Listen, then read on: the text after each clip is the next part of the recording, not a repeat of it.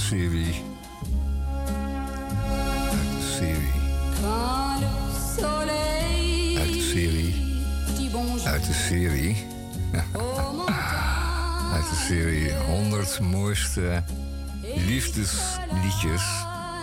Is het natuurlijk uh, Lucille Starr. Is het Canadese?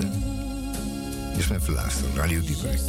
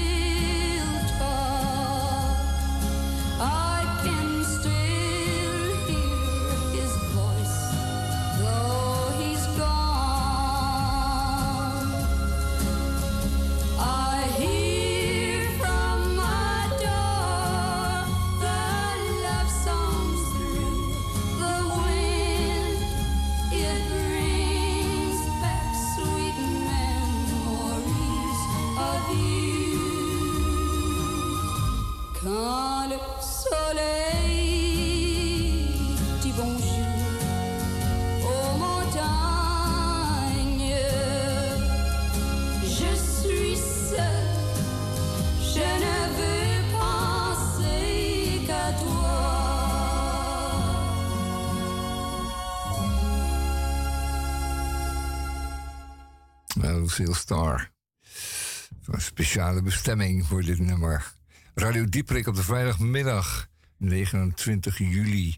Het is alweer einde juli. Dat betekent dat, um, dat de gierzwaluwen... de alweer op weg naar het zuiden. En dat is altijd een beetje depressing, als je dat realiseert. Halfweg de zomer, denk je dan. Het is nog niet voorbij. Radio Dieperik ook niet. Uh, Oké, 29 juli. We gaan nog van alles doen. We hebben een maand augustus nog voor ons. Uh, maar ja, goed, ze gaan er vandoor. Want ze hebben nog een stukje te vliegen. En ze vinden die al een beetje fris worden. Nou hoeft dat niet per se, want er komt nog wat mooi weer aan. Radio Dieperik, eh, aflevering 1716. Naar verluid. Uh, we hebben een accountant op Malta, die houdt het bij. Ehm, maar ja, Malta is ik moet het wel bij zeggen, toch een beetje onbetrouwbaar. Ze buigen nog wel eens alle kanten op. Als de windje waait, waait het rokje daar op Malta. Onderdeel van de Europese Unie. Maar ja, dat zeggen ze wel meer. Nou, een beetje, een beetje mooi weerspelen op Malta. Maar goed, 1715, nee, 16, zo u wilt. 29 ehm, juli. We gaan uh, wat muziek draaien. We hebben natuurlijk een Groene Amsterdammer. Zoals altijd, het is een verplichting, een nette verplichting, hè, anständig, zeg maar dan, uh, verplichting om te doen. En daar kunnen we ons linkse geluid in kwijt. Er zijn een paar idioten weer die, uh, die, uh, die vermelding behoeven. Zoals ik u ga straks gaan melden. J.D. Vance, door Trump, kapitein Trump van het zinkende schip, uh, lieftallig, nee, hoe zeg je dat? Liefdevol, JD genoemd, JD Vance, de nieuwe idioot op het Amerikaanse politieke toneel. We gaan het straks over hebben. Een stuk van Casper Thomas. Het gezinshuis, een nieuwe vorm van jeugdzorg. Um, gaat over mensen die zo dapper zijn om mensen uit de jeugdzorg in huis te nemen in een gezinssituatie. En ehm, dat daar moet u nog eens over nadenken. Daar gaan we straks over hebben. Maar kunt u alvorens even nadenken wat dat zou betekenen voor uw gezin? Uh, mensen die al een aantal jaren hebben doorgebracht. Jonge, nee, jonge, uh, uh, jonge mensen, kinderen, soms hele jonge kinderen, die al een jaar, aantal jaren in, gezins, of in de jeugdzorg hebben doorgebracht in tehuizen. Waar, het ook, waar men ook allemaal zijn best deed, maar die nu nieuwe ontwikkeling in gezinnen worden geplaatst. En daar kunnen ook vaker wat eh, broertjes en zusjes wat, wat, wat, uh, wat leuker en wat aardiger in zo'n gezin opgroeien. En dat is wel enkele jaren achter elkaar. Um, we gaan het over hebben straks. Het zal niet meevallen. Flink dingetje is dat. Dan een uh, lekker uh, stuk over, over vogeltjes. En ik heb het zo graag over vogeltjes. Dit is weer zo'n zo'n aberratie. Zo'n Zoiets wat met vogeltjes ook kan. Je kunt ze namelijk in een, eh, in een wc-rolletje, zeg het kartonnetje van de wc-rol, kun je ze in het vliegtuig meesmokkelen naar, uh, naar een ander land. En dan voor veel geld verkopen. En ze daar laten chilpen. Maar vaak leggen die vogeltjes het af. We gaan het allemaal over hebben. En nog over veel meer. Uh, dit is TV Mama van Hank Williams Jr., zoon van en uh, net als zijn vader deugde hij ook voor geen meter.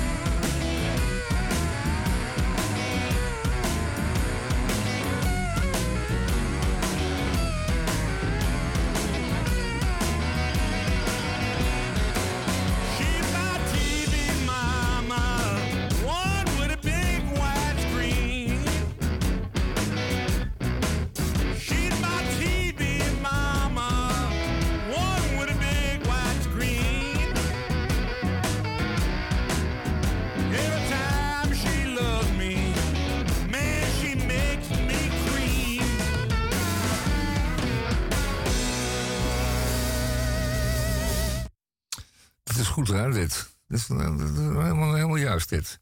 Een goede moment ook. Ehm, het is nu nog redelijk rustig weer hier in Amsterdam. Maar bij Radio Dieperik verwachten we wel dat het uh, vreselijk zal opknappen volgende week. En ik hoop niet dat het dan weer boven de 30 wordt. Ja, nee, ik hoop het wel voor mezelf en ook voor u, maar niet voor de wereld. Nee, voor Nederland aan zich. Want die raakt daarvan in de uh, stress. Um, stress? Nee, en dat is dan ook weer niet waar. Want dat raakt ze dus niet. Maar we hebben het er vorige week over gehad, uitgebreid met z'n allen. Uh, althans hier in de radio, dieperik. Uh, over wat er dan gebeurt in Nederland. Dan wordt de hitte een zoals de hype ding. En dat wordt dan um, herhaald. Iedereen gaat het herhalen. En gooit er een schepje bovenop. Dus het is niet alleen maar de weersverwachting die dan uh, boven de 40 dreigt te geraken. Of tenminste de temperatuur te verwachten. Maar het is vooral de opwinding die er rondheen wordt geschapen. En um, die is zelfvoedend. Die groeit dan heel hard en heel snel. Um, en dat kan, ik wil niet zeggen exploderen, maar het gaat dan wel heel hard. Kan binnen enkele dagen oplopen tot een giga-hype. Waarbij iedereen het zo warm krijgt dat dan die 40 graden eventueel er nog weer bovenop komt. En dat kan nog wel eens dodelijk zijn voor mensen die zich daar, uh, laten we zeggen, gevoelig voor tonen. En dan komt de overheid met adviezen, aanwijzingen, maatregelen en regels.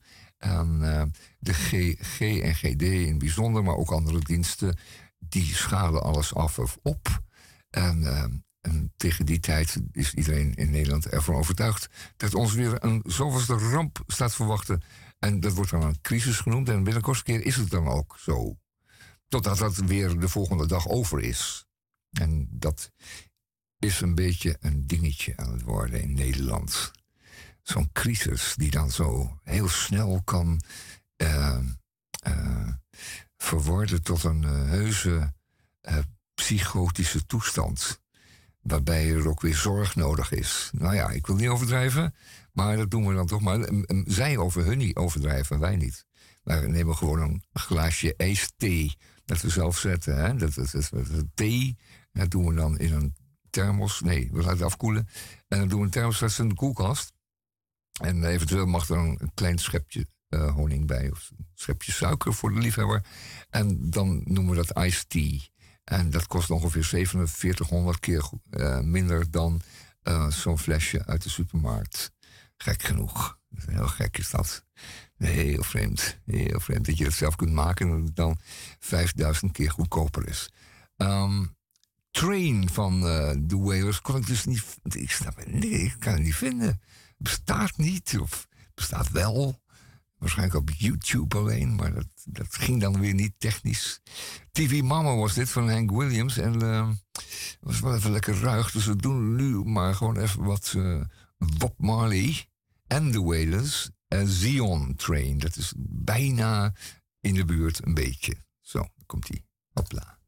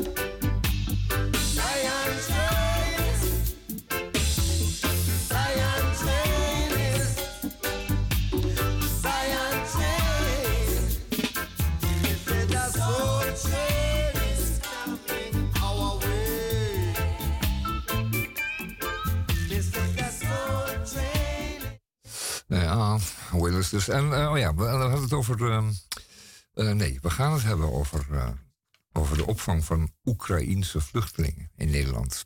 50.000. Uh, dat is een bevolking van een redelijk grote gemeente. En dat in één keer uh, kwam ons land binnen en deze mensen werden aanvankelijk heel snel en heel aardig opgevangen. Iedereen eh, pakte, opende de kastdeuren en keek wat hij kon missen en gaf met gulle hand. Maar het was een klein beetje zo aan het worden, zoals in de tijd in 1914, toen uh, de MOF België binnenviel. En uh, erg veel mensen uit België uh, de grens overvluchten richting Nederland. En toen in Nederland werden opgevangen, de Belgische vluchtelingen.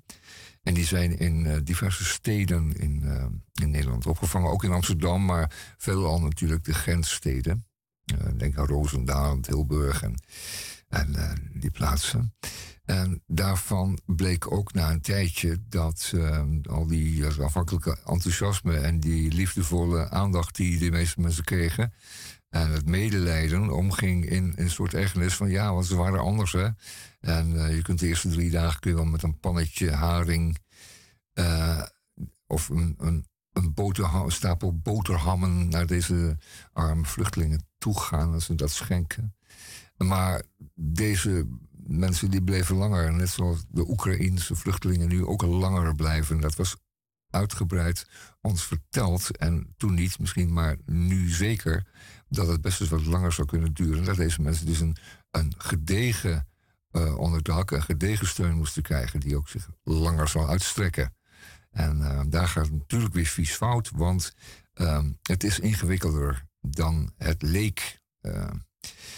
Het is niet zomaar zo eenvoudig om voor 50.000 mensen goed onderdak en een leuke en aardige en goede um, omgeving aan te bieden. Dus mensen die gaan niet wekenlang niks doen. Die willen aan het werk, die willen dingen doen.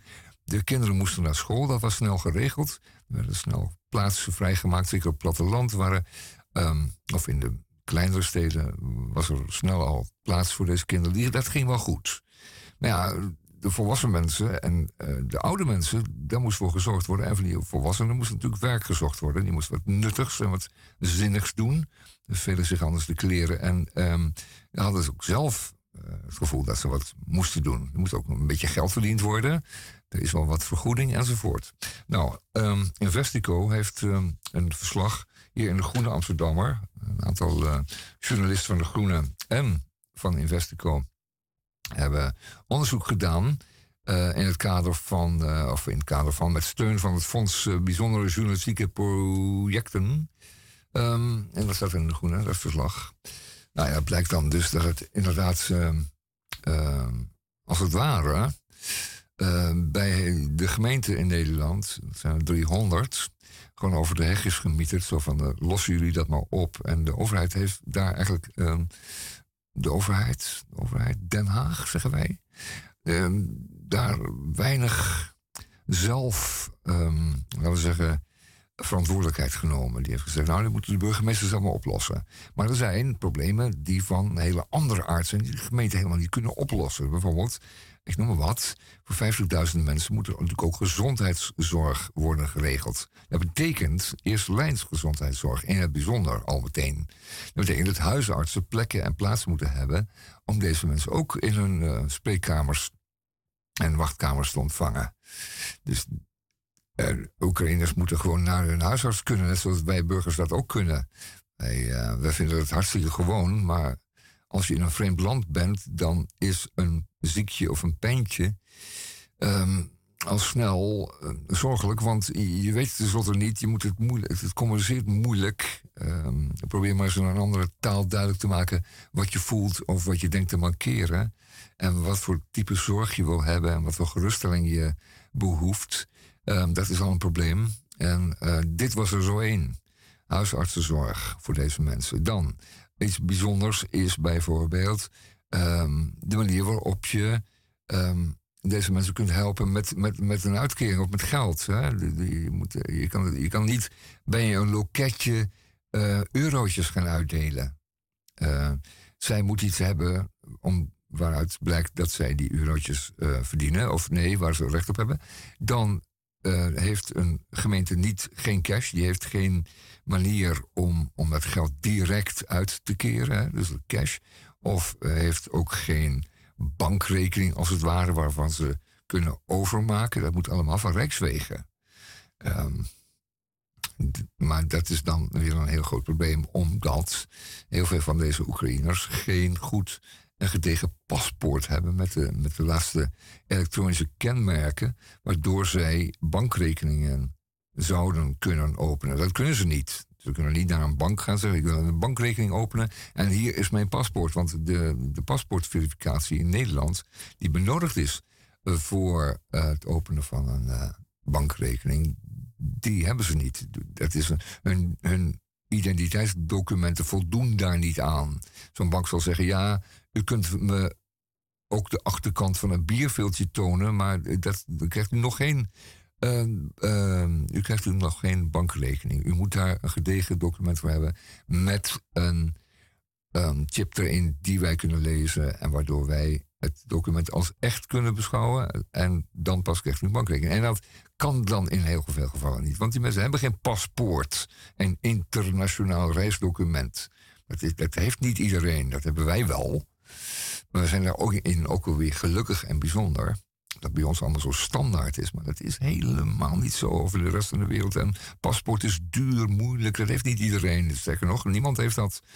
Als je op reis gaat, heb je dat uh, vaak nodig. Maar uh, vraag het een uh, Amerikanen. Die heeft ook geen, als, geen paspoort hoor. Echt niet niet eens een identiteitsbewijs. Die heeft gewoon een, een, een, een rijbewijs. Dat is het enige wat hij heeft.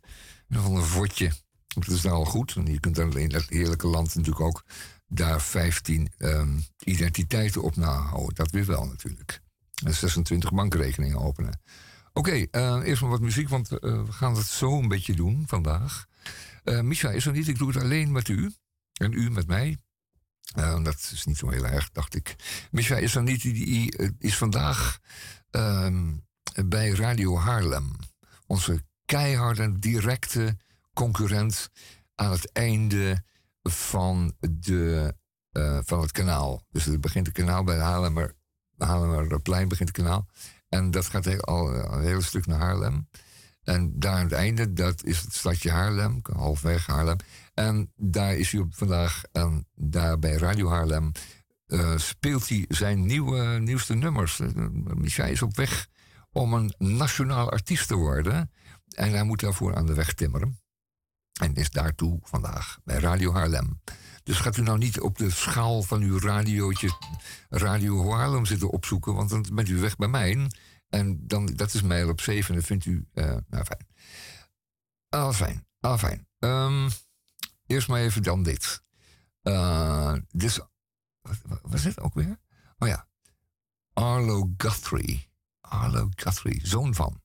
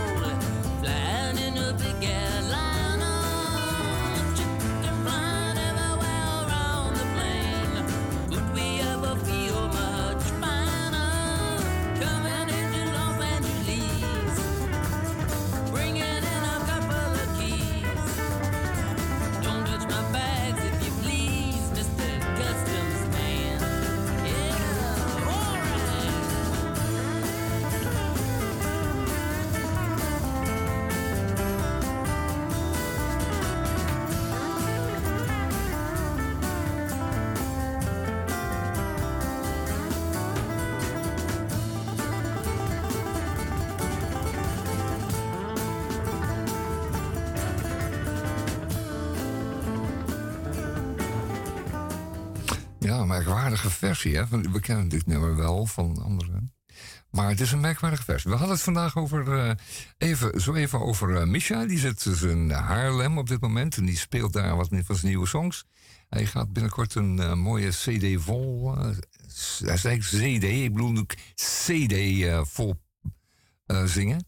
En dat gaan we te zijn tijd hier in Radio Dieperik natuurlijk uitgebreid pushen en weet ik veel plakken en omhoog steken. Want dat moet natuurlijk een een, een klapper worden voor hem. Um, zei het dat, um, dat we natuurlijk gebonden zijn aan, aan regelgeving daaromtrent. Maar we gaan dat natuurlijk zeker doen. En hij kan natuurlijk altijd live vertolken. Dan kan niemand ons wat maken natuurlijk. Nou, zo doen we dat al je weer. Uh, met als gevolg dat u het vandaag met mij moet doen. En ik ga u toch wel... Ik heb aardig muziek bij me. En we doen even de groene, maar daar doen we gewoon wat langer over... En dan uh, komen we er wel doorheen. Uh, wordt wel wat. Goed. Uh, ja, dat was Arlo Guthrie, rare gast. zijn vader, dat was, dat, was, een beroemdheid. Maar dan in het hele aparte folk genre. Een, een, echte Amerikaanse held, zou ik willen zeggen. Zijn vader dan. Hè? Arlo was natuurlijk ook een aardig jongen. Goed. Dit is, uh, dit is voor de liefhebber. En ik weet er één. Ik weet er één grote liefhebber. Maar eerst maar eventjes... Oh nee, nee. We, we gewoon heel even door met onze Oekraïnse vrienden.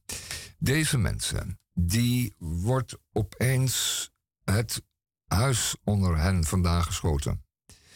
Dat gebeurt met goedvinden van zo'n beetje de gehele Russische, eh, de gehele bevolking van de Russische Federatie. Onvoorstelbaar. Ze wensen het niet te weten. Uh, ze doen alsof er niets aan de hand is. Ze voelen zich geïntimideerd door hun eigen overheid. In casu de heer Putin. Uh, wij noemen hem Putin, maar hij heet, heet, daar heet hij gewoon Poetin. Of daaromtrent een KGB'er hebben ze dan gekozen als staatshoofd. En die heeft zijn hele entourage meegenomen, zijn vriendjes. En die heeft toen eh, zijn vriendjes eh, voor eeuwig aan zich gebonden door ze allemaal um, zichzelf te laten verrijken. En dat gebeurde in extremis. Dus die hebben zich um, niet alleen miljoenen, maar zeker uh, vele daarvan ook miljarden vergaard. Um, allemaal onder de hoede van deze topcrimineel. Een KGB'er, zoals ik al zei, die, op een, uh, die, die uit het Oost-Berlijnse komt. in de tijd DDR moet u denken. Uh, het land waar de Duitse gluiperd toen uh, zich verschool.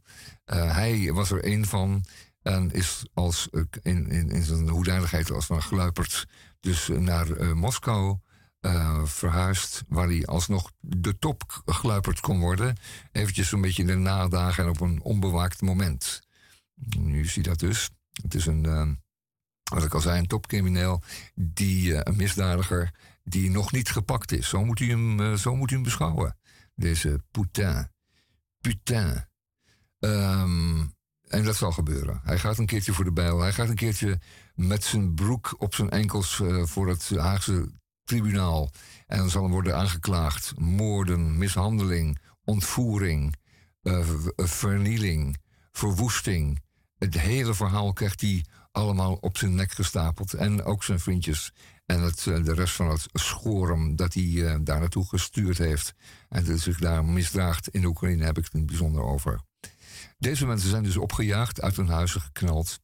Hebben wij uh, hier in Nederland 50.000 uh, van deze Oekraïnse vluchtelingen. En daar moeten we goed voor zorgen. Ik, um, ik citeer zo even de problemen die ehm, deze mensen bijvoorbeeld hebben.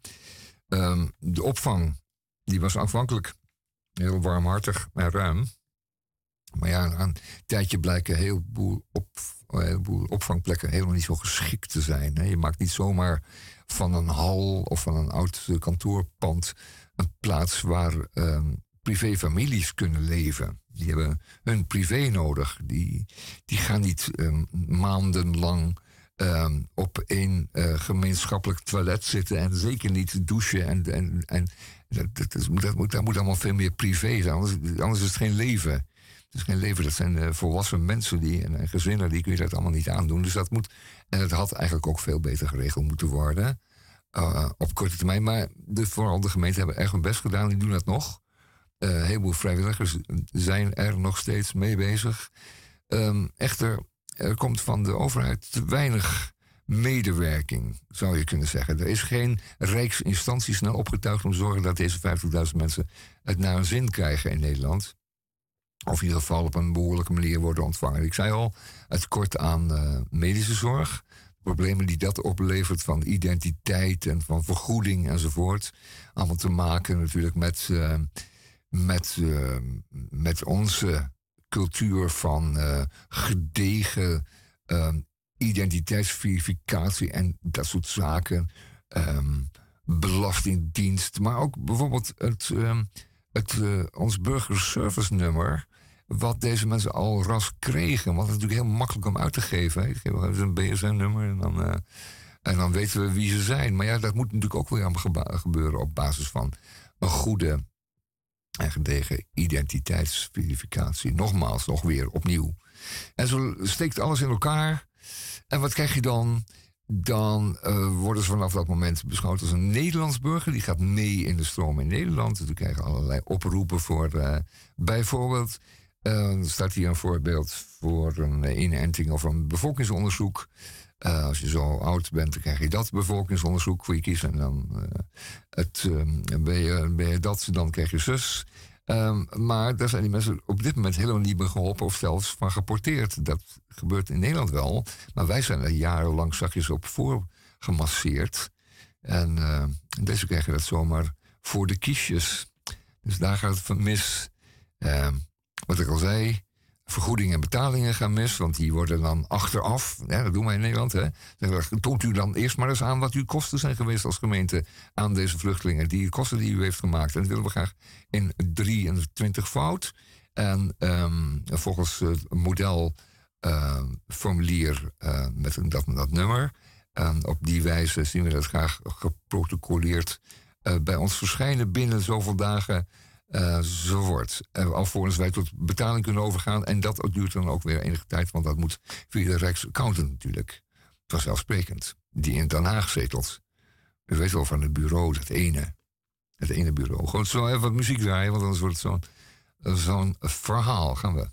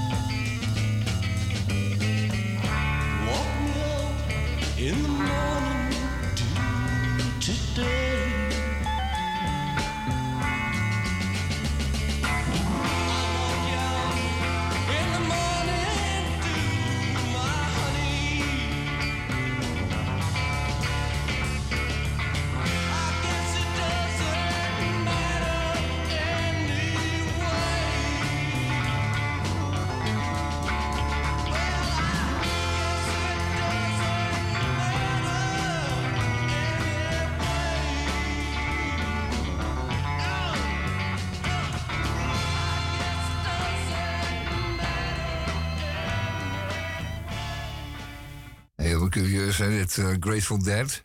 En het nummer kent u ook allemaal wel, Morning Dew. Uh, vele versies, maar dit was er één van. Grateful Dead, jou of even. Het is een speciale luister, Grateful Dead uh, fan. Aan de andere kant van de radio, zeggen ze dan. aan de luidsprekerkant. Zeg maar. Hè? Goed, we hadden het over nog, even, nog even terug naar de Oekraïne. Die sinistere KGB-schoft ehm, die heeft ervoor gezorgd dat deze mensen nu ehm, ehm, hier bij ons wonen. En we moeten goed voor ze zorgen, dat is zeker. Eh, Eindhoven. In Eindhoven, die heeft natuurlijk gewoon uh, zijn daklozen uh, organisatie. Die, die, heeft dat al ingericht natuurlijk. Want dat zijn uh, verschoppelingen die daar over straat zwerven. En als het koud wordt, moeten die worden opgevangen. En daar staan organisaties voor. NEOS, eentje heet er zo. En die andere heet Springplank. Zo'n naam hebben ze dan. Um, die worden, deze Oekraïnse vluchtelingen worden ook door NEOS en Springplank dan uh, verwerkt, uh, geholpen. Dat heet een hulporganisatie, opvangorganisatie.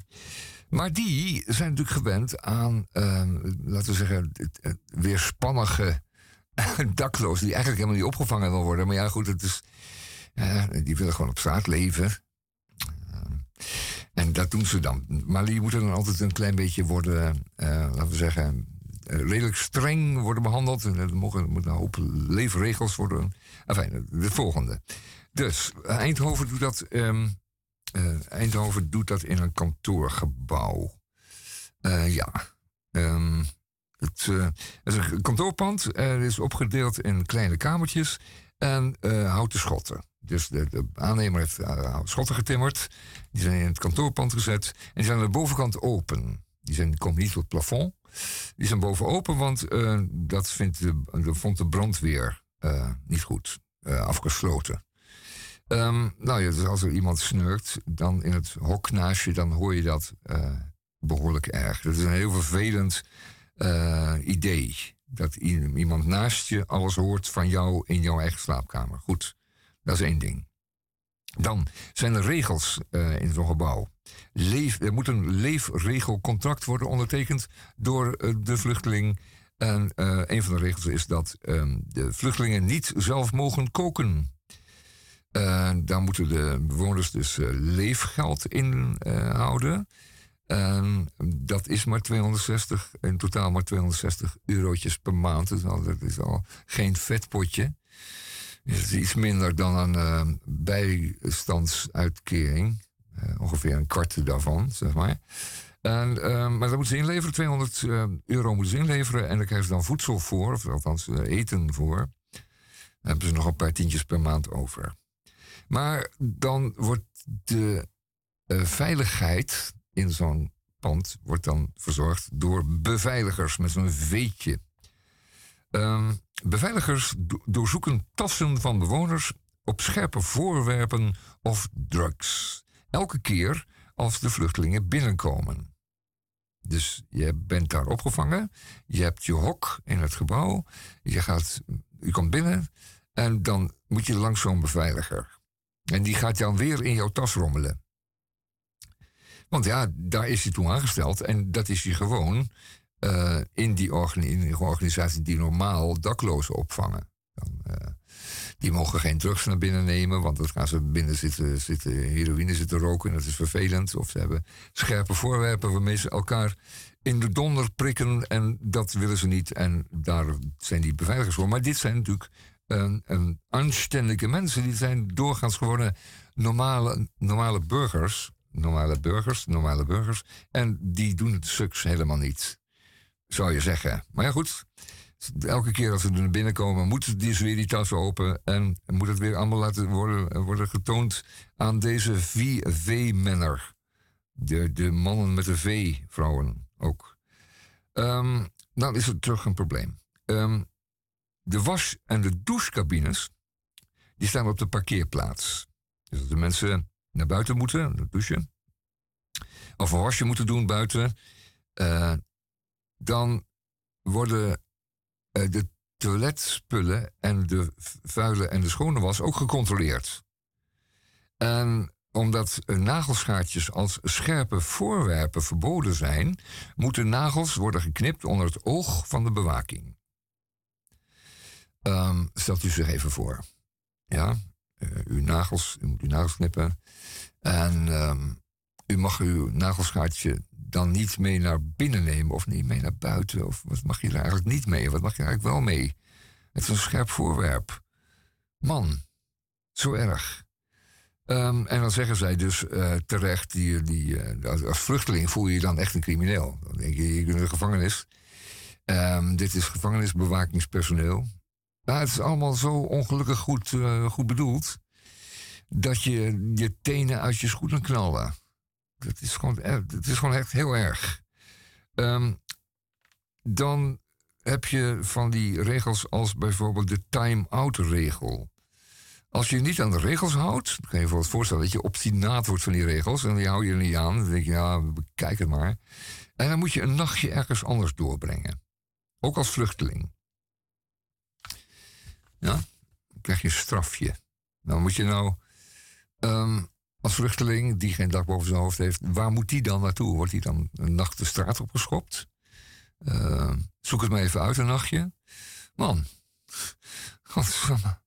God, nou, je kan me voorstellen dat je dan denkt, nou weet je wat, ik ga terug naar uh, Oekraïne. Want dat, uh, die opvang hier is uh, gewoon, nou, verschrikkelijk. organisatie Springplank. Nou ja, goed, ze zeggen dat ze dat allemaal tijdelijk en het allemaal tijdelijk is. En dat, het, dat die 24-uursregeling was mensen te beschermen tegen mensenhandel. Het is allemaal vreselijk. Het is allemaal zo goed bedoeld, maar het is ook helemaal niet goed uitgepakt. Um, een stuk van Investico uh, in de Groen Amsterdammer deze week. Leest u dat zelf? Koopt u dat nummer van de Groen Amsterdammer en dan leest u het zelf. Ik ga even wat muziek draaien. Daarna gaan we even door met uh, het uh, nieuwe rechts. U zegt van, nou, is er ook oud rechts? Ja, er is ook oud rechts. Je zou kunnen zeggen dat de heer Tromp, de kapitein op het zinkende schip, dat die oud rechts is alweer. En een stuk van Casper Thomas wordt een nieuw rechts een mafketel opgevoerd. Ehm, die is, belooft hij net zo erg uh, tamme idioot te worden als de heer Trump. En deze heet dan JD Vance. Gaan we straks over hebben. Eerst wat muziek om de zaak toch wat uh, te kunnen verteren. dit is van de, de Peanut Butter Conspiracy.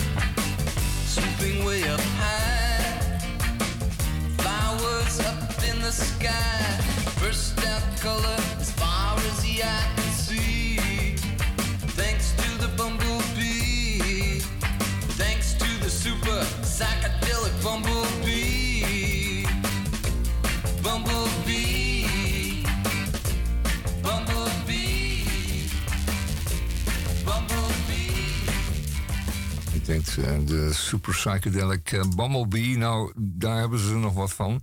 Eh, in de Verenigde Staten, uh, toch een behoorlijk uh, vreemd land. Ehm, wij doen wel alsof wij onvoorwaardelijk achter de VS staan. Maar ja, het is ook wel een uiterst grappig en treurig land. wie zei het nou laatst? Dat hij zo'n medelijden had met de VS. Um, dat, ze, dat mensen er, er, als het ware niet uitkomen. Dat ze steeds uh, laten we zeggen, ze dommer worden. Dat hun, hun onderwijs onder, tussen hun vingers vandaan siepelt, hun goede naam en hun. En terwijl ze toch aan de andere kant uh, altijd uh, bewonderenswaardig goed waren in het maken van, van laten we zeggen, hele mooie nieuwe dingen. De, de Tweede Wereldoorlog hebben ze toch op een fantastische manier gewonnen door een krankzinnige industrie oorlogsindustrie te bouwen in, in, in een hele korte tijd, in maanden tijd. En niet zozeer jaren, maar maanden. Dat een hele bijzondere verworvenheden. Er zijn uh, door die tientallen jaren heen prachtige um, voorwerpen uh, voor ons aller genoegen geproduceerd daar. Uh, buitengewoon veel bruikbare computers komen er vandaan altijd. En, en vliegtuigen, personen, hoe zeg het? de passagiersvliegtuigen. En ik heb het niet over straaljagers en bombardementsvliegtuigen, maar over passagiersvliegtuigen en over auto's en over. Ja, het is allemaal van buitengewone kwaliteit en bijzondere uitvoering. Um, we waren er altijd blij mee, maar nu. Maar nu is er iets anders aan de hand. We hebben onze aandacht verlegd. En zij zitten met een eh, steeds um, ongelukkiger wordende um, bevolking, zou je kunnen zeggen. De Amerikaanse arbeider die is ongelukkig geworden. En waarom is dat nou? Omdat hij het gevoel heeft dat hij, dat hij aan het verliezen is. Hij, uh, hem is het eenvoudige werk afgenomen in een heleboel fabrieken, maak, vooral maakfabrieken. Uh, rond Detroit was ik in 1976 en dat was nog volop in productie. En nog geen tien jaar later was de autoproductie daar al gehalveerd en nu nog veel minder. En dat gaat uh, niet zozeer voor Boeing natuurlijk, en, maar, maar ook ook daar is natuurlijk, zijn natuurlijk dingen aan de hand. Hè? Airbus en, en die nemen zomaar hele grote stukken van die ouderwetse maakindustrie over. Um, ze zijn er erg heel veel verloren. Wel als gevolg dat de, laten we zeggen, gewoon de Amerikaanse middenstander, de, de, de gewone burger, en dan heb ik niet over de armen, want ze zijn zeer goed in staat om ook hun om hun uh, zwarte bevolking goed arm te houden. Het lukt ze wonderwel. Um, maar laten we zeggen, de burger, of je nou zwart of wit is, die voelt zich steeds meer en steeds ongelukkiger en steeds meer uh, uh, de zak, de lul. En dan gaat hij blijkbaar kiezen voor mensen als Trump. Want die beloven hem wat. En nu is er een nieuwe, J.D. Vance, en die heeft ook weer een heleboel beloftes voor deze mensen. Alleen Um, concreet, en dat geldt ook voor Trump, uh, zal er weinig gebeuren. Die burger schiet daar eigenlijk geen zak mee op. Zijn wegen worden niet gerepareerd. Een treurige staat van uh, JFK. JFK Airfield wordt er niet heel veel beter van. Er staan dus gaten, de bruggen storten in. want de nieuwe plannen van, van Biden, die gaan juist over een enorme investering, miljarden en miljarden investering op het gebied van de infrastructuur, bijvoorbeeld onderwijs, andere, andere zaken, die worden tegengehouden door de Republikeinen op dit moment. Die is, rechts-Amerika houdt dus deze linksige investeringen tegen.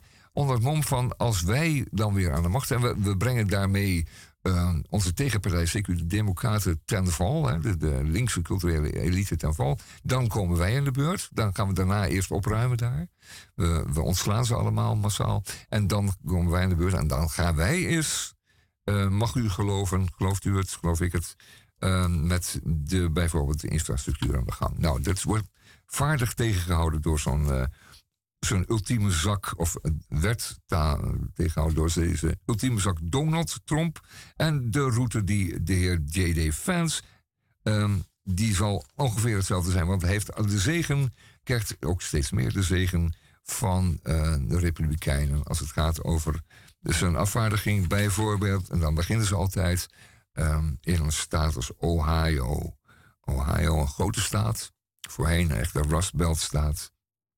Um, maar er wonen ook uh, zatte hillbillies hè, verderop in de Appalachen en Ohio. Um, hij heeft zelf een boek geschreven, dat heet Hillbilly Elegy. Het gaat over uh, het teleurgang van, van de arbeider in, juist in zijn omgeving, zijn, zijn jeugd. wat hij om zich heen zag. Zijn moeder raakte verslaafd aan heroïne, zijnde een vervanger van een pijnstiller die zij uh, hoe zeg het, uh, die zij voorgeschreven kreeg.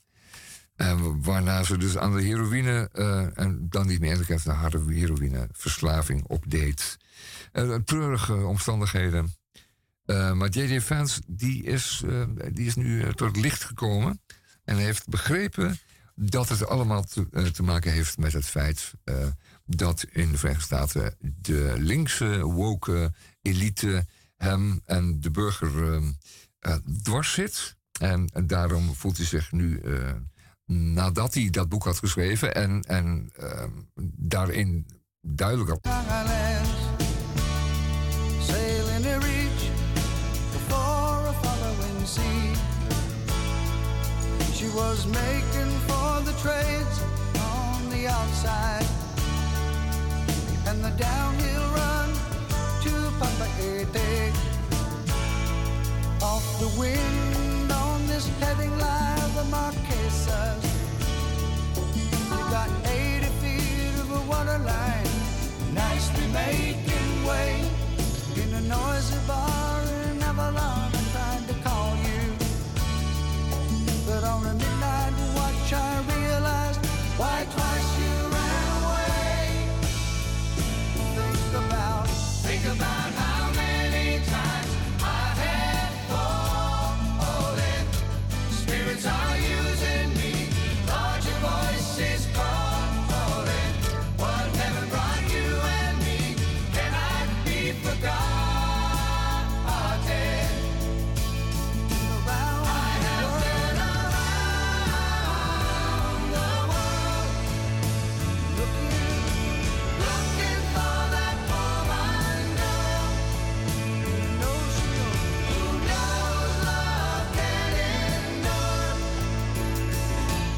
Know it will.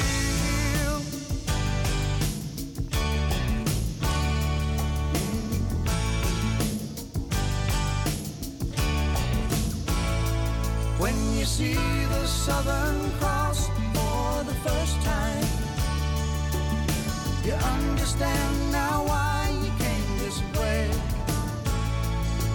Cause the truth you might be running from is so small, but it's as big as the promise, the promise of a coming day.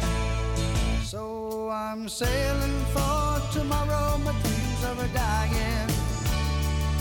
And my love is an anchor tied to you, tied with a silver chain. I have my ship, and all her flags are flying. She is all that I have left,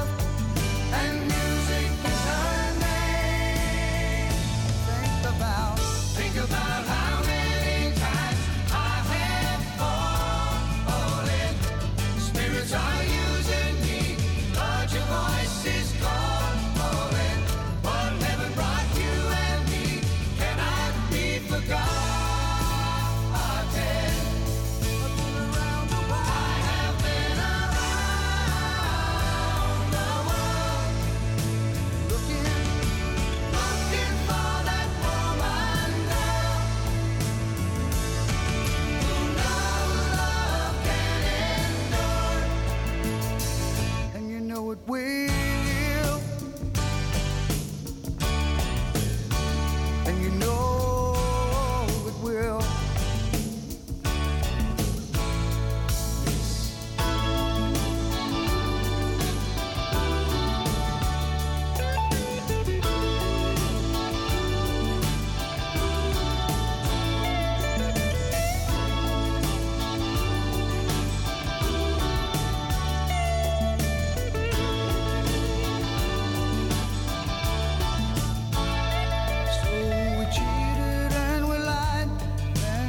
tested, and we never failed to fail.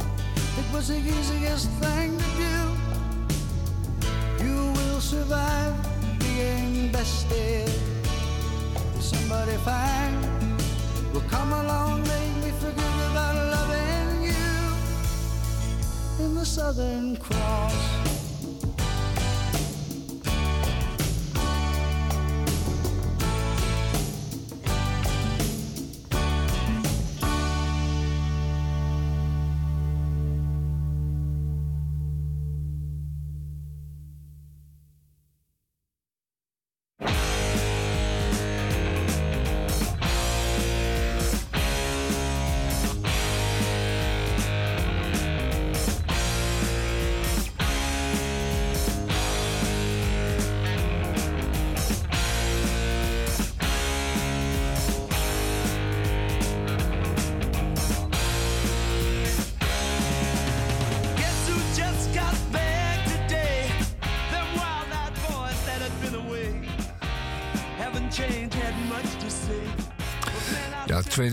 Radio Dieprik is begonnen met... ehm,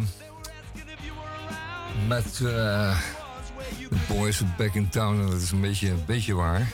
Maar ze zijn niet in town, het is maar één.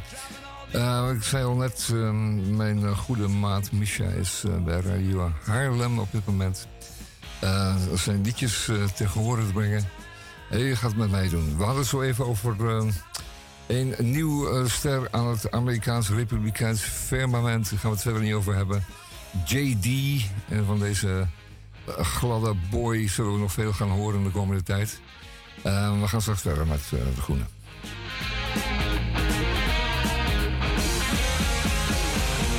You know that chick that used to dance a lot? Every night she'd be on the floor shaking what she'd got. Man, when I tell you she was cool, she was red hot. I mean, she was steaming. And that time at slapped Johnny's face. Man, we just fell about the place. If that chick don't wanna know, forget her.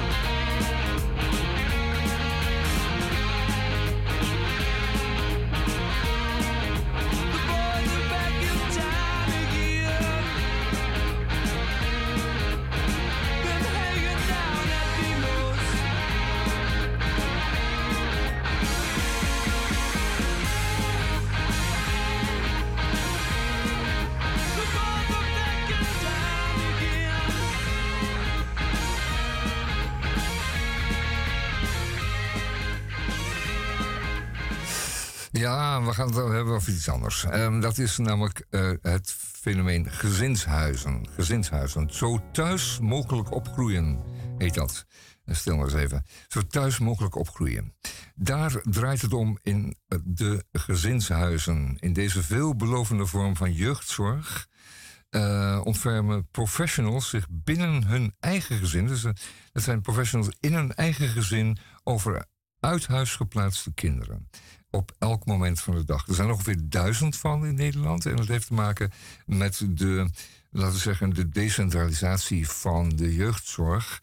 En het sluiten eh, van eh, de herinrichting en het sluiten van een groot aantal grote tehuizen, eh grootschalige, in, grootschalige instellingen.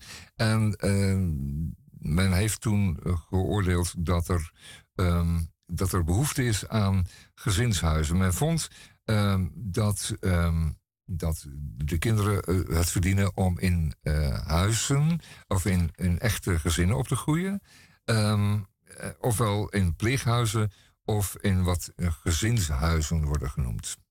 Dan zijn het geen echte pleegkinderen, maar dan zijn het kinderen die niet in het huis opgroeien, maar gewoon binnen een normale gezinssituatie met eh, de kinderen van het gezin, eh, maar dan wel eh, begeleid door een van de ouders of beide ouders die dan een professionele achtergrond hebben in de in, de, in, de, in, in, in deze zorg, in dit type zorg. En dat is wel heel bijzonder. Er er- Ik zei het al, er zijn er duizend van in Nederland. Het is heel snel gegaan. Ehm, er staat hier dat, ehm, eh, even kijken, de groei was eh, fors. Ehm, nog geen tien jaar geleden waren er eh, zo'n vijf per jaar eh, bij. En ehm, dat ging heel hard. En eh, sinds 2014 ehm, is het gestegen met ongeveer 60% En inmiddels wonen in Nederland meer dan 3000 kinderen in een gezinshuis. En dat is een hele opgave voor zo'n gezin. Dat moet je zich voorstellen. Dan, dan heb je de zorg van kinderen die al ehm, vaak uit andere eh, instellingen eh, komen. Er wordt hier verteld, een gezinshuis is een jeugdzorg in gezinsvorm. Het biedt uit huis geplaatste kinderen een alternatief voor de grote instellingen of tehuizen waar zij anders in terecht zouden komen. Hun gedragsproblemen zijn te heftig en te complex om in een gewoon pleeggezin te wonen. Vaak, vaak zijn deze kinderen daarom al meerdere keren overgeplaatst van pleeggezin of instelling. Kunt u je voorstellen dat dat niet de eenvoudigste kinderen zijn om opnieuw die opvoeding ter hand te nemen. Hè? Want als je een aantal keren bent verplaatst al, omdat het in pleeggezinnen waar je geplaatst bent niet goed ging, nou dan heb je als kind al behoorlijke tikken gehad. Ik bedoel, je hebt je al ehm, elke keer moeten aanpassen en, en dan ging het niet goed. En dan, dan kwamen die pleegouders, eh, die zeiden van het gaat niet langer zo, ik kan er niet langer voor zorgen, ik, heb niet, ik mis de achtergrond. Mijn huis is geen eh, therapiecentrum, ik, ik, ik, kan- dat niet. Het is zeker geen gewoon kind. Het voegt zich niet naar de rest van het gezin. Maar in zo'n eh, gezinshuis ehm, zou er een professional in staat moeten zijn om dat wel te doen. Maar dat zal verdorie niet meevallen, zeg. Ik eh, ben er ehm, zeer van onder de indruk van het artikel, wat hier staat in Groen Amsterdam van deze week. Ehm, eh, de vraag groeit enorm natuurlijk, want het is een prachtige, een, prachtige oplossing om, om deze kinderen in zo'n gezinshuis, in zo'n warm en liefdevol gezinshuis eh, te plaatsen. Binnen een echt gezin en gewoon mee te laten draaien met alle gewone dingen die erbij horen. Ehm, alle, de, de, de, gewone gezinsregels en, met, met de zaakjes normale kinderen om te moeten gaan. Terwijl je eh, vaak zelf eh, beschadigd bent eh, door een toestand. Bijvoorbeeld ooit in je jeugd, in je vroege jeugd, in je eigen gezin, bij je biologische ouders, waar je al uitgehaald bent. En dan nog eens een keer een paar pleeggezinnen achter de rug, of een, een tehuisje of wat. En dan moet je dus als gezinshuisouder daar opnieuw aan gaan staan. Ehm, eh, man, het is, er staat hier, er staat hier verhaal over ehm, een dappere Eva genaamd, die ehm, twee kinderen van haarzelf heeft en nog drie twee pubers van 17 en nog drie, dus inderdaad drie, uh, en eentje van 10. Drie pleegkinderen erbij heeft. En dan, en dan probeert of, of, of werkt aan zo'n gezin, wat haar zeven keer 24 uur natuurlijk gewoon bezighoudt. En veel meer dan een gewoon gezin. Hè. Een gewoon gezin kun je zeggen, nou, um, jullie gaan maar eens uh, logeren bij oma. Of jullie, uh, of ik, ik neem eens een oppas uh, voor een avond. Dat is allemaal niet mogelijk. Je moet er altijd bij zijn. Uh, dan worden deze mensen als uh, zelfstandigen beschouwd. Die, uh, de gemeente koopt rechtstreeks jeugdzorg bij deze ouders in. Die krijgen daar een formulier voor, want die zijn er natuurlijk gewoon ook echt professioneel mee bezig. Um, moet je nagaan, twee, twee meiden van 15, ik zei 17, ik doe 15, jongetje van 10. Poeh, het zal niet meevallen. Ja, dan moet je een, een, gezin, ook je eigen gezin, je eigen kinderen, moet je dan ook uh, uh, gezond en, en prettig en, en, en, en aangenaam, uh, moet het ook aangenaam blijven. Ehm, dan gaan ze bijvoorbeeld op vakantie, staat hier. Er waren, die kinderen waren zelf nog nooit op vakantie geweest, die drie pleegkinderen van haar. Ja, dat, dat kan toch niet zo moeilijk zijn, maar kamperen. Daar zijn de kinderen bang voor. Dat is, uh, dat is, uh, dat is structuur die in, in, ten ene ineens ontbreekt.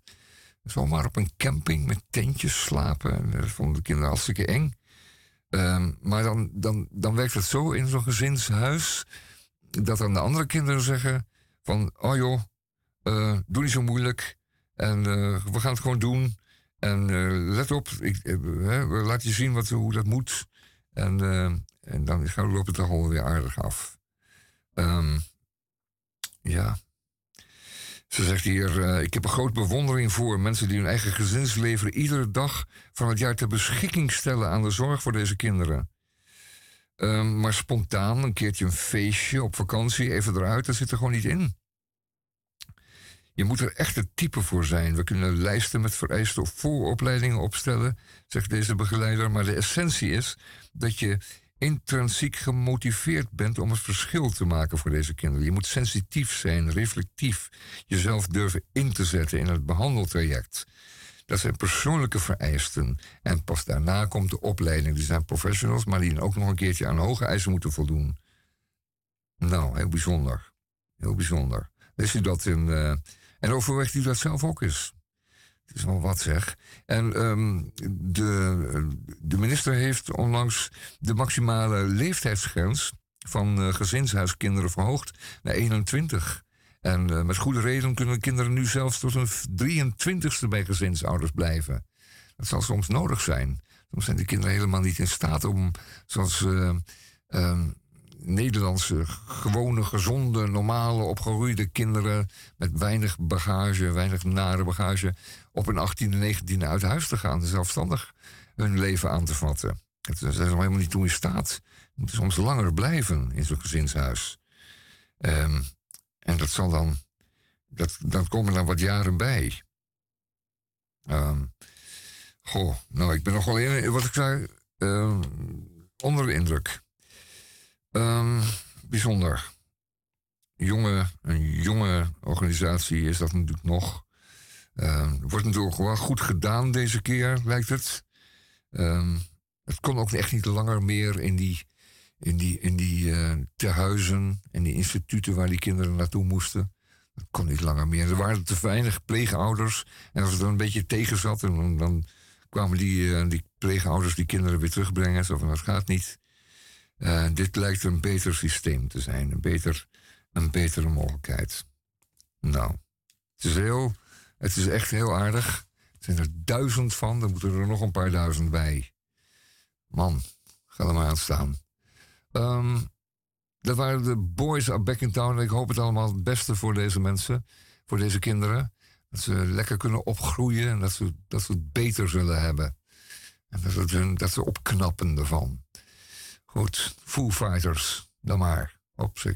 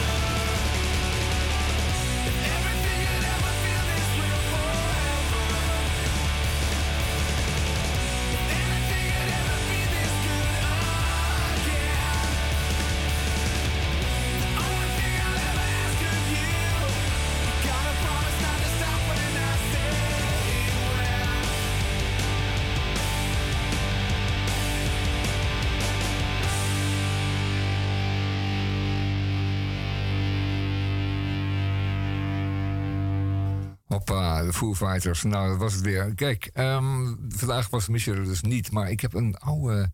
Of hij eh, heeft een oude column opgediept. Hij was er toen pas een paar keer bij Radio Dieperik. Ik geloof een keertje of vier hiervoor was hij.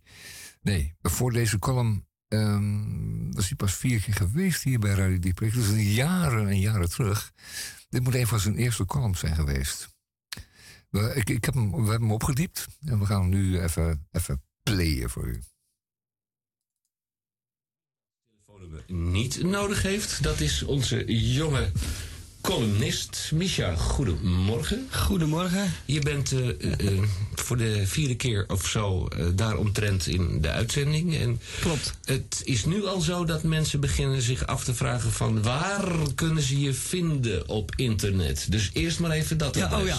Ja, uh, nou, alle columns uh, die ik uh, spreek, die staan ook op internet. Op uh, mishacabaret.com. Mishacabaret.com. .com. En Misha is met CH. Dus M-I-C-H-A. En dan aan één geschreven. Aan één geschreven, ja. En daar kan je de columns terugluisteren en desgewenst ook teruglezen. Want ze staan er ook in tekst op. Kijk, nou zie ik je. Mm, je zit er glunderend bij. Ja. Je, je, hebt een dik pak papier in handen. Ja. Is dat weer een column? Dat is wederom een column. En deze column heet Tjoch. Na een lange dag van vroeg opstaan en hard werken besluit ik dat het tijd is voor een afzakkertje. De tijd is voor tienen en het café is een willekeurige waar gelukkig ook afzakkertjes op het menu staan. Ik neem plaats achter de toog en de door mij bestelde goudgele rakker wordt op zeer hoge snelheid, maar met kennis en kunde vervaardigd. Waar de haast bij de kastelein vandaan komt is mij een raadsel, aangezien het café dun bevolkt is en de overige gasten reeds voorzien zijn. De meeste van de overige gasten zitten net als ik aan de bar, wat een krus en huiselijk gevoel geeft. De kruk naast mij is leeg, maar wel gemarkeerd als bezet door een rode jas die er slordig overheen gehangen is. Al snel wordt duidelijk van wie deze jas is wanneer een mevrouw van ongeveer, ongeveer 45 jaar van buiten terug het café binnenkomt en plaatsneemt op de kruk. Ze legt een pakje check op de bar neer. Ze was wezen roken. Al gauw raken we in gesprek en het wordt duidelijk dat we hier te maken hebben met Elske. Kort haar, gezet en een Noord-Nederlands accent. Ik wil niet de beide hand de Amsterdammer uithangen door te vragen waar ze vandaan komt. En gelukkig is dat ook niet nodig, omdat ze zelf al openheid van zaken geeft. Ze komt uit Friesland. Ik antwoord bij wijze van grap dat ik daar wel eens van gehoord heb. Elske lacht niet en vervolgt haar verhaal. Zij en haar man komen af en toe naar Amsterdam als uitje. Haar man heet Willem en zit verderop aan de bar. Ze wijst hem aan en hij groet vriendelijk en zegt: Hoi, als ze in Amsterdam zijn, komen ze altijd naar dit café. Omdat dit gewoon het beste café is, al dus Elske. Ik knik instemmend. Ze hebben zelf ook een café, in Jouren. Mijn man en ik runnen dat al 15 jaar. En ook daar hebben wij gezelligheid en gemoedelijkheid hoog in het vaandel staan. Net als in dit café. Wederom knik ik instemmend. Ze organiseren ook spelletjesmiddagen, waarop een oud-Fries dobbelstenenspel gespeeld wordt. Ze legt de regels uit, maar door het gebrek aan dobbelstenen en het gebrek aan goesting om het te willen begrijpen, ontgaat het mij volledig. Toch knik ik instemmend. In Friesland zijn ze gastvrij volgens Elske en dus krijg ik een biertje van haar aangeboden. Ze zegt, tjoch. Ik ben met stomheid geslagen. Tjoch? Dat is Fries voor proost. Ah, oké. Ik roep tjoch en we knallen onze glazen tegen elkaar. Els pakt een bierveeltje en begint er van alles op te schrijven. Wanneer ze uitgeschreven is en het veeltje volgeschreven is, geeft ze het aan mij. Er valt te lezen Willem en Elske. Café Het Ziel. Zeil 3 8501 AZ Jouren. Mocht je ooit een keer in de buurt zijn, moet je langskomen, zegt ze. Ondanks dat ik betwijfel of ik ooit in Jouren terechtkom, knik ik toch instemmend en houd het veeltje omhoog alsof het een bierglas is. en roep tjoch.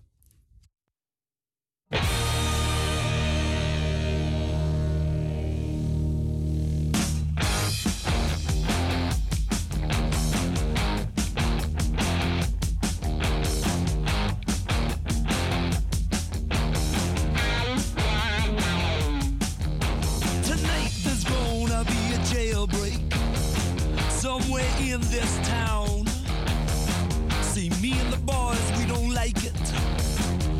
Getting up and going down. High and low, looking right to left. If you see us coming, I think it's best. to move away. Do you hear what I say? From under my breath.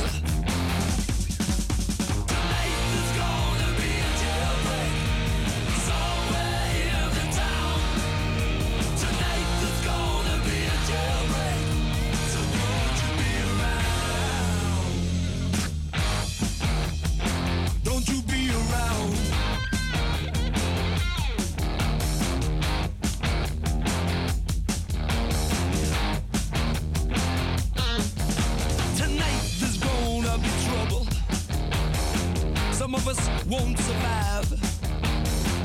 See the boys and me mean business, busting out dead or alive. I can hear the hound dogs on my trail.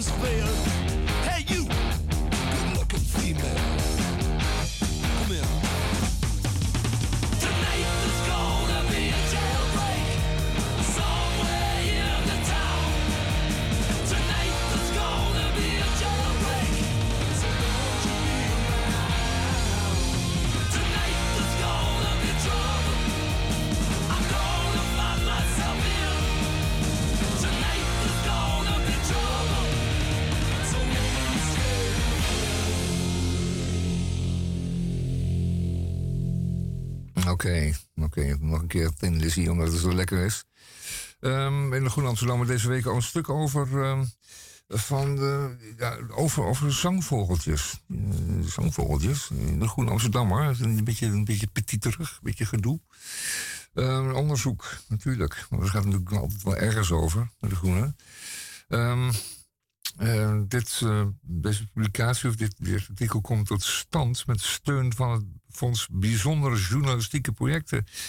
Uh, er is een onderzoek naar zangvogelsmokkel. Zangvogelsmokkel in Nederland. En ehm, dat, dat bestaat dus, zangvogelsmokkel. Eh, er worden over de hele wereld worden gesleept met dieren. Hè. Er, zijn, eh, mensen die hebben de, meest vreemde hobby's of eh, eetgewoonten. Dit- er worden, worden niet eh, dieren uit het oerwoud gehaald om. Eh, exotische dieren voornamelijk eh, uit het oerwoud gehaald om op te eten of te vermalen tot, eh, tot poedertjes die de potentie moeten verhogen, dan wel hoofdpijn moeten genezen, dan wel op een andere bijgelovige manier worden toegepast.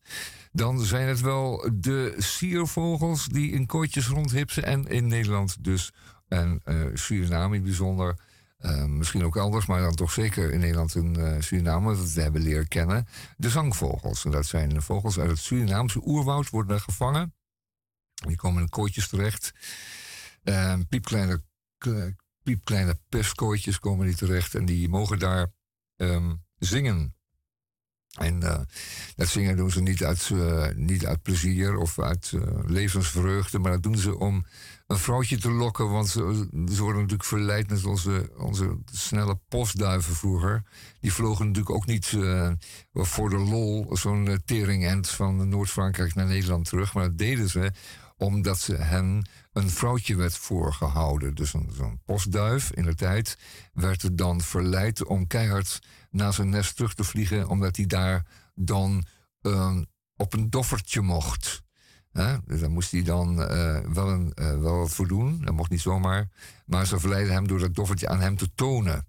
En om een klein beetje romantiek uh, te genereren tussen deze twee vogels. En dan, dan wist dat mannetje niet hoe hard hij moest vliegen. En dan kon zijn baasje dat klokken en die kon daar handdoeken of bananen mee winnen of andere glanzende voorwerpen. Uh, dat heet de duivensport. Nou, die sport die, uh, die, die, is natuurlijk ook uh, op deze zangvogel van toepassing. Dat heet, wordt dan ook sport genoemd. Die zangvogeltjes die worden verleid door een, vrouwtje naast te zetten. En dan gaat het beestje van de weer omsluit, dat mannetje. In het bijzonder, want vrouwtjes die zingen dan veel minder. Dat is bij onze vogels ook zo. dan gaat het mannetje kwinkeleren kwinkeleren. Die gaat uh, kwinkslagen maken, die gaat slagen maken. En uh, wat is het dan? Dan worden die vogelkotjes naast elkaar op een paaltje gezet. Het gebeurt, uh, u ziet dat wel eens in, in de Bijlmer, op die weiders tussen de flats. Er staan daar kotjes en dan wordt er als het ware sport mee bedreven in die zin dan dat het aantal keren dat dat mannetje dan een, een, een slagje geeft, een kwinkeltje.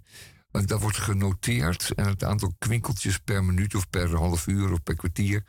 Dat wordt, uh, dat wordt dan de maat voor de kwaliteit of de, of de, of de, of de, ja, de, de, kwaliteit, ja, voor de kwaliteit van een vogeltje.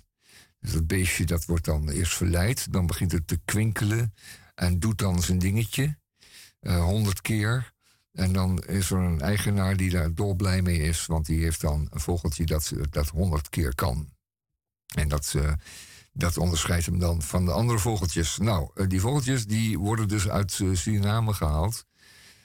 ze worden natuurlijk hier weinig gefokt, want het is niet zo eenvoudig om een, om een tropische vogel te fokken. Dat vereist meestal heel wat zorg en toewijding waar je niet zomaar aan kan beginnen. Uh, het vereist speciaal voer en een speciale ruimte en, en voldoende aanbod ook van, uh, van uh, vogels. Want het ene mannetje wil zeker niet met het andere vrouwtje en dat vrouwtje niet met dat mannetje. Dus je moet ook een soort voorraad hebben. En niet iedereen is gegeven om een, huis, of een deel van zijn huis in te richten als vogelbroedruimte. en daarom worden deze vogels gewoon vers elke keer uh, uit Suriname gehaald en daar, um, en, daar gevangen en, en hier verkocht. Er zijn daar professionele vogelvangers uh, bezig en die halen zo methodisch het hele oerwoud leeg. Uh, ooit vertelde een bioloog mij jaren en jaren geleden al dat hij op een reis in Suriname uh, rondom de dorpen, diep in het oerwoud, en dat was echt helemaal naar Zuid-Suriname geweest, rondom de dorpen in het oerwoud helemaal niets meer hoorde en niets meer zag. Die waren volkomen ontdaan van dieren. Die waren dan wel opgegeten, gevangen, uh, gedood of uh, weg vanwege illegale houtkap of wat je daar ook in extensor hebt, is illegale goudwinning. En dat is een bedreiging voor al het dierlijk leven daar in uh, de, uh, de Opper-Amazone. Um, uh, dat schijnt met rassenschreden te gaan. Zeker die, eh, die, die zak van Brazilië. De heer Bolsonaro, ook wel nare zak genoemd. Bolso betekent zak uh, Narozak, Narozak.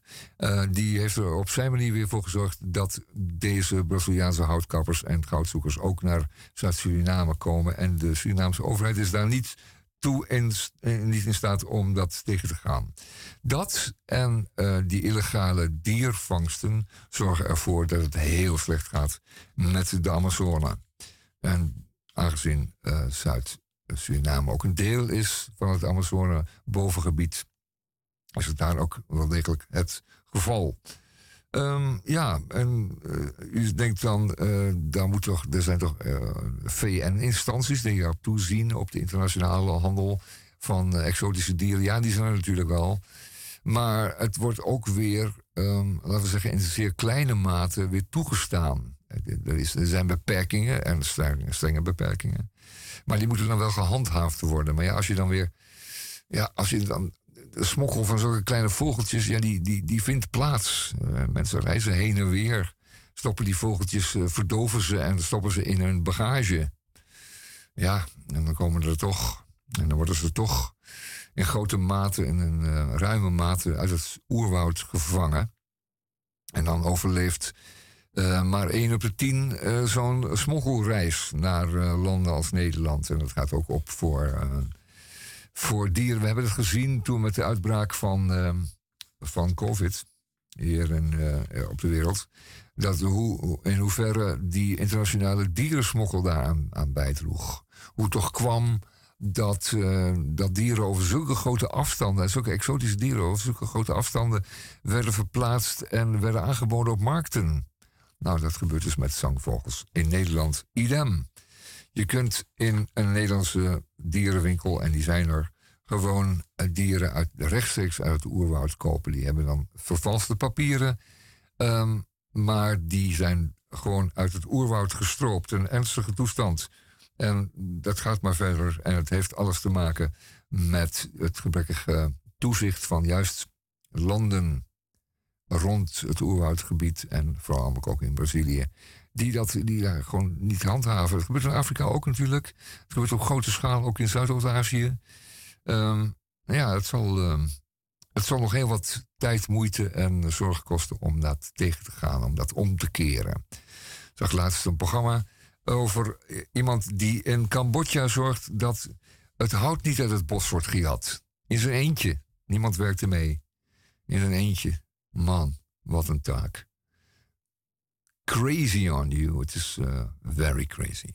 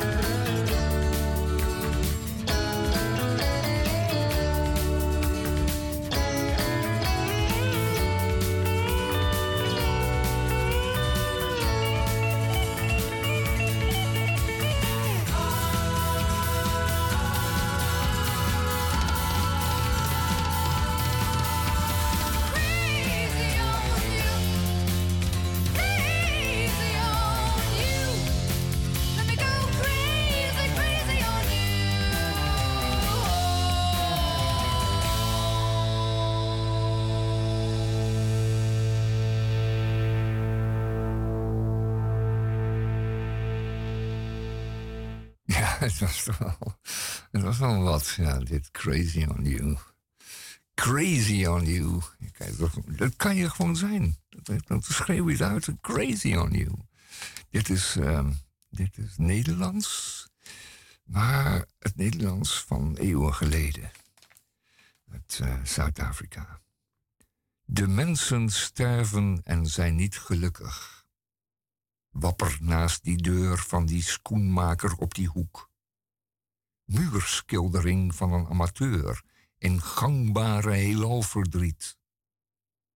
Die hobbelrige kinderskrif preik maandenlang. Geen verfkwas waag om vonnis van een nihilis vol dampige ontnuchteringsdrift of neotranscendentale angst met ruwe halen weg te vaag. Hoewel nog nooit opvallend kloek, wandel ik weer vandaag daarlangs en ondiepzinnig vergewis ik mij dat ik leef en zelfs, dankzij jij weet wat, stom gelukkig blij.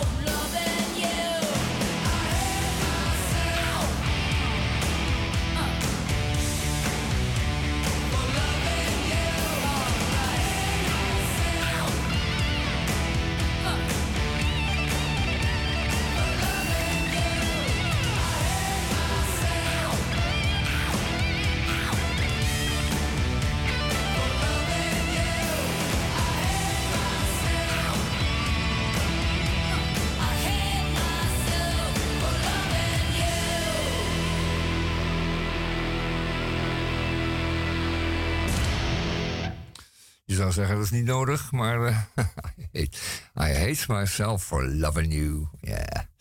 Oké, okay, um, er is een uh, dissidente leeslijst uh, bij de Groene. ze doen elke week lezen we een boek over ja, een boek dat ooit verboden is. Of eigenlijk een boek dat een voorbode was of een, of een verslag van onderdrukking. Kortom, een dissidentenlijst. En deze week is het tot mijn grote plezier Stefan Schweiks um, uh, Die Welt van Gestern, de wereld van gisteren. En wat is het nou? Ik ben verdorie zelf op dit moment ook aan het lezen toevallig. Uh, ik was wel een liefhebber van Stefan Zweig. Stefan Zweig is een, um, een heerlijke romantische schrijver die, um, die het heeft over het Oostenrijk van toen, van weleer. Uh, vooral van voor de Eerste Wereldoorlog, toen het nog hard echt het Habsburgse Rijk was. Het, het Oostenrijk en, en, Wenen, dat het middelpunt was van het grote rijk. Uitstrekte tot diep in de Balkan. En de grote delen van, uh, van Zuid-Europa nog uh, had tot zijn. Er waren heel veel nationaliteiten en verschillende volkeren inwonen. En dat allemaal heel leuk en aardig en harmonieus ertoe ging. Uh, milde onderdrukking van de Oostenrijkse uh, keizer, maar uh, toch redelijk vrij van, van, van revolutionaire bewegingen en zo. Dus het ging allemaal wel. Zij het dat ehm, de moord in 1914 op de Oostenrijkse kroonpretendent natuurlijk wel een een uitwas was van de, um, de nationaliteit, eh, de, de, de, de, het nationalisme in, in stukken van de Balkan. Het was natuurlijk wel echt de zwarte hand die daar toesloeg. Maar goed, uh, Stefan Zweig heeft het allemaal aangezien en zag het vooral 1918. Um, kwam Oostenrijk er toch wel weer uh, armoedig en al bovenop. Het ging weer beter, twintiger jaren, dertiger jaren. En tot de nazi's ook uh, daar binnen vielen um, en Oostenrijk annexeerden. De Oostenrijkers waren er zelf erg voor, grotendeels. Um, ze vonden het prachtig dat, uh, dat Herr Hitler zich, zich ook met, hen, met hun land ging bemoeien. En dat zij ook in Oostenrijk orde op zaken zou gaan stellen. Maar voor Schweik was het afgelopen. Is het einde van de, van de vrijheid voor Stefan Schweik. Hij is toen naar Engeland gevlucht, is naar Parijs en toen naar Engeland en later naar eh, Brazilië. Maar hij zag het na een paar jaar echt helemaal niet meer zitten. Hij had het gevoel dat het afgelopen was met de wereld, met de wereld aan zich en met zijn wereld. En heeft er toen, uh, hij is er toen uitgestapt. Uh, maar niet voordat hij nog een boek schreef. Dat heette De Wereld van Gisteren. En dat is een prachtboek. Echt een prachtboek. Het heet Die Welt van Gestern. Uh, maar u kunt het gewoon in de bibliotheek en in de boekhandel vinden.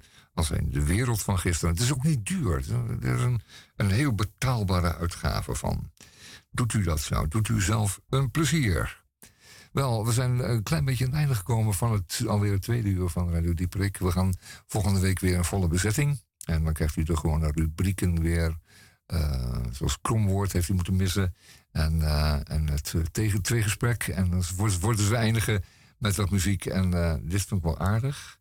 Uh, Laura Nairo. Stoned Soul Picnic. Dank je ervan. Stoned. Tot volgende week. Adios.